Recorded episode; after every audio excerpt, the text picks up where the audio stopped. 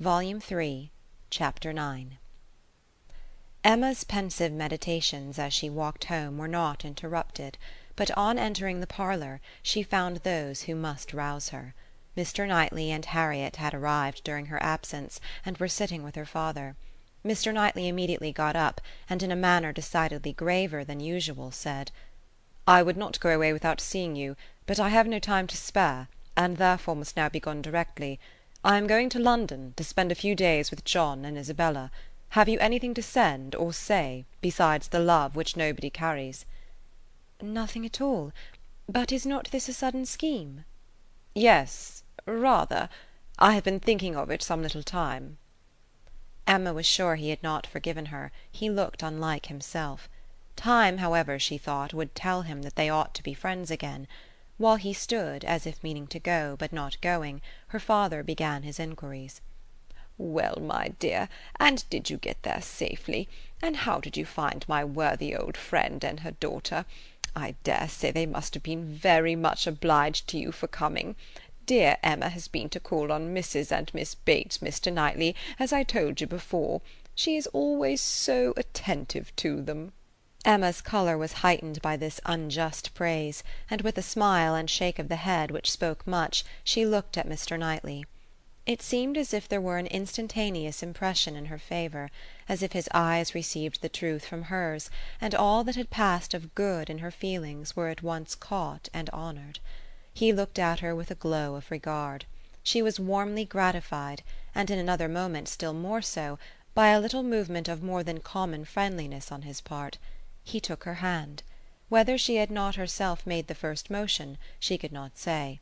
She might, perhaps, have rather offered it; but he took her hand, pressed it, and certainly was on the point of carrying it to his lips, when, from some fancy or other, he suddenly let it go. Why he should feel such a scruple, why he should change his mind when it was all but done, she could not perceive. He would have judged better, she thought, if he had not stopped. The intention, however, was indubitable; and whether it was that his manners had in general so little gallantry, or however else it happened, but she thought nothing became him more. It was with him of so simple, yet so dignified a nature. She could not but recall the attempt with great satisfaction. It spoke such perfect amity. He left them immediately afterwards, gone in a moment.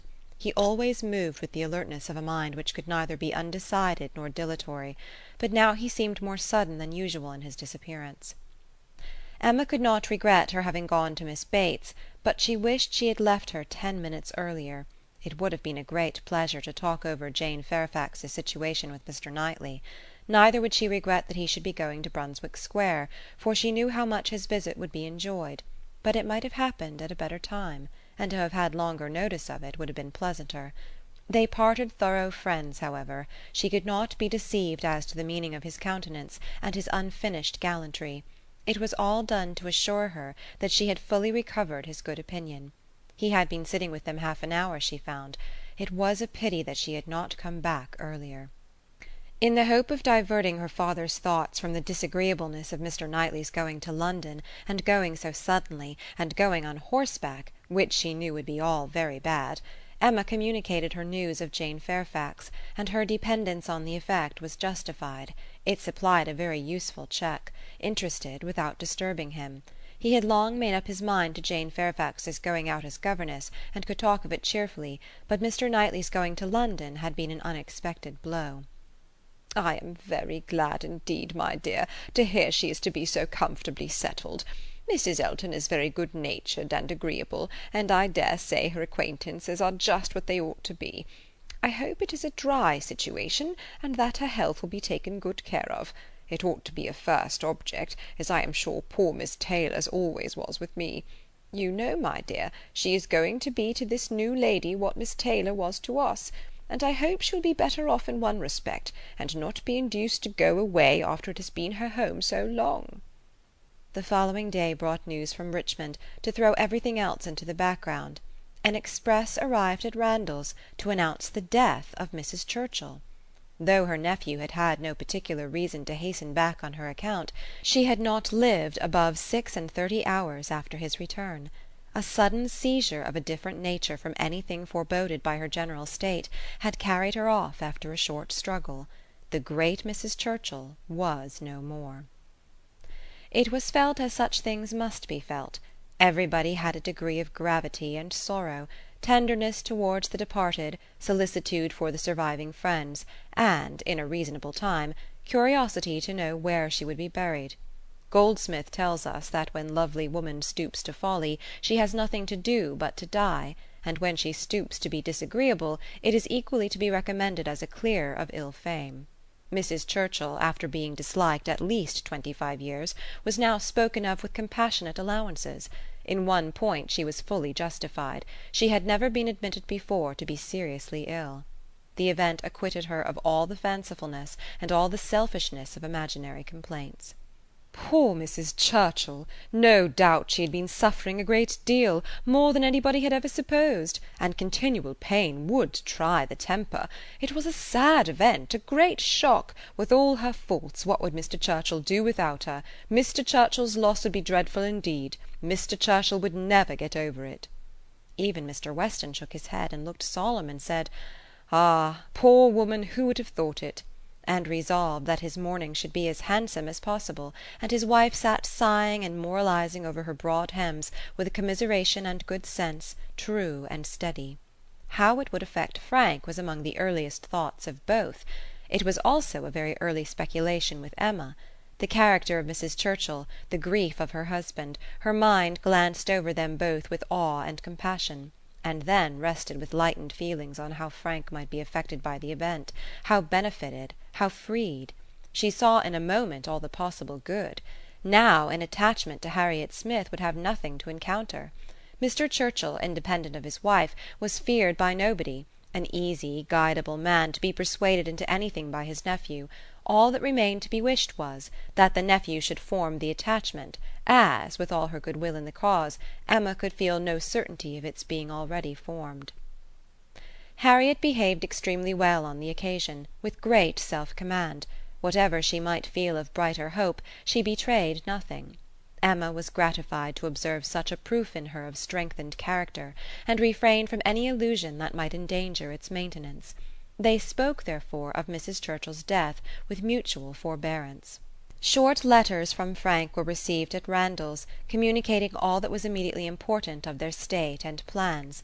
Mr. Churchill was better than could be expected, and their first removal, on the departure of the funeral for Yorkshire, was to be to the house of a very old friend in Windsor, to whom Mr. Churchill had been promising a visit the last ten years.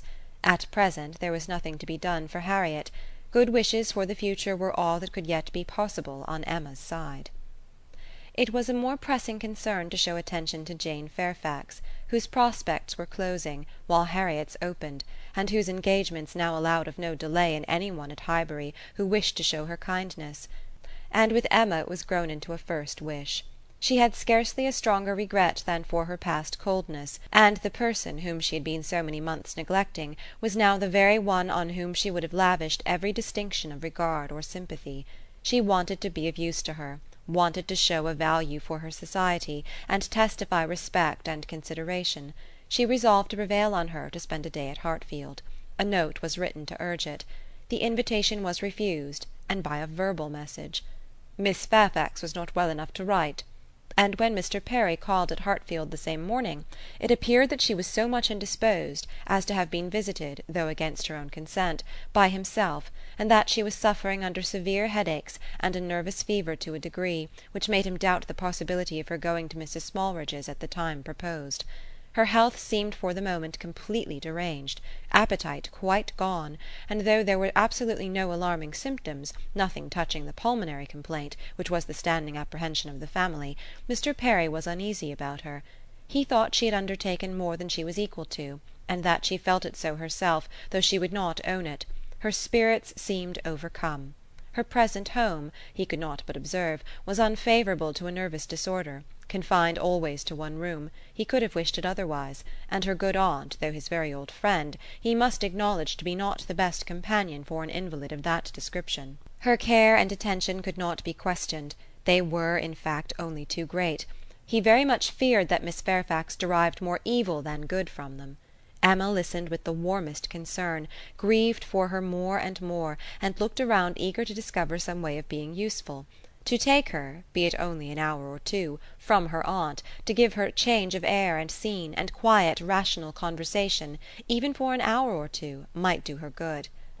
And the following morning she wrote again to say, in the most feeling language she could command, that she would call for her in the carriage at any hour that Jane would name, mentioning that she had Mr. Perry's decided opinion in favour of such exercise for his patient.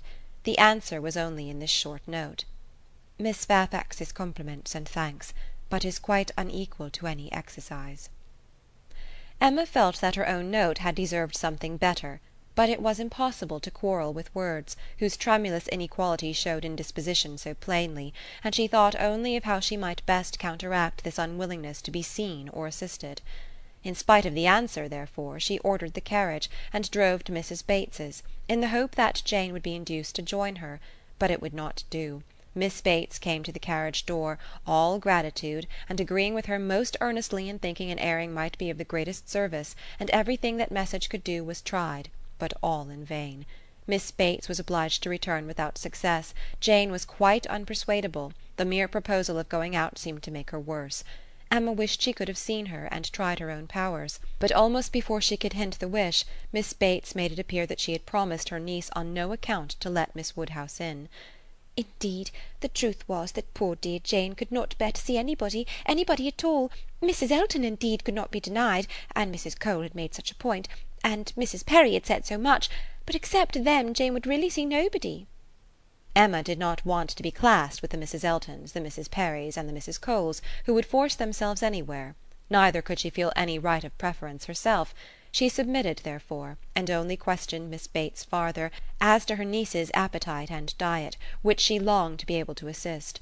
On that subject poor Miss Bates was very unhappy, and very communicative. Jane would hardly eat anything.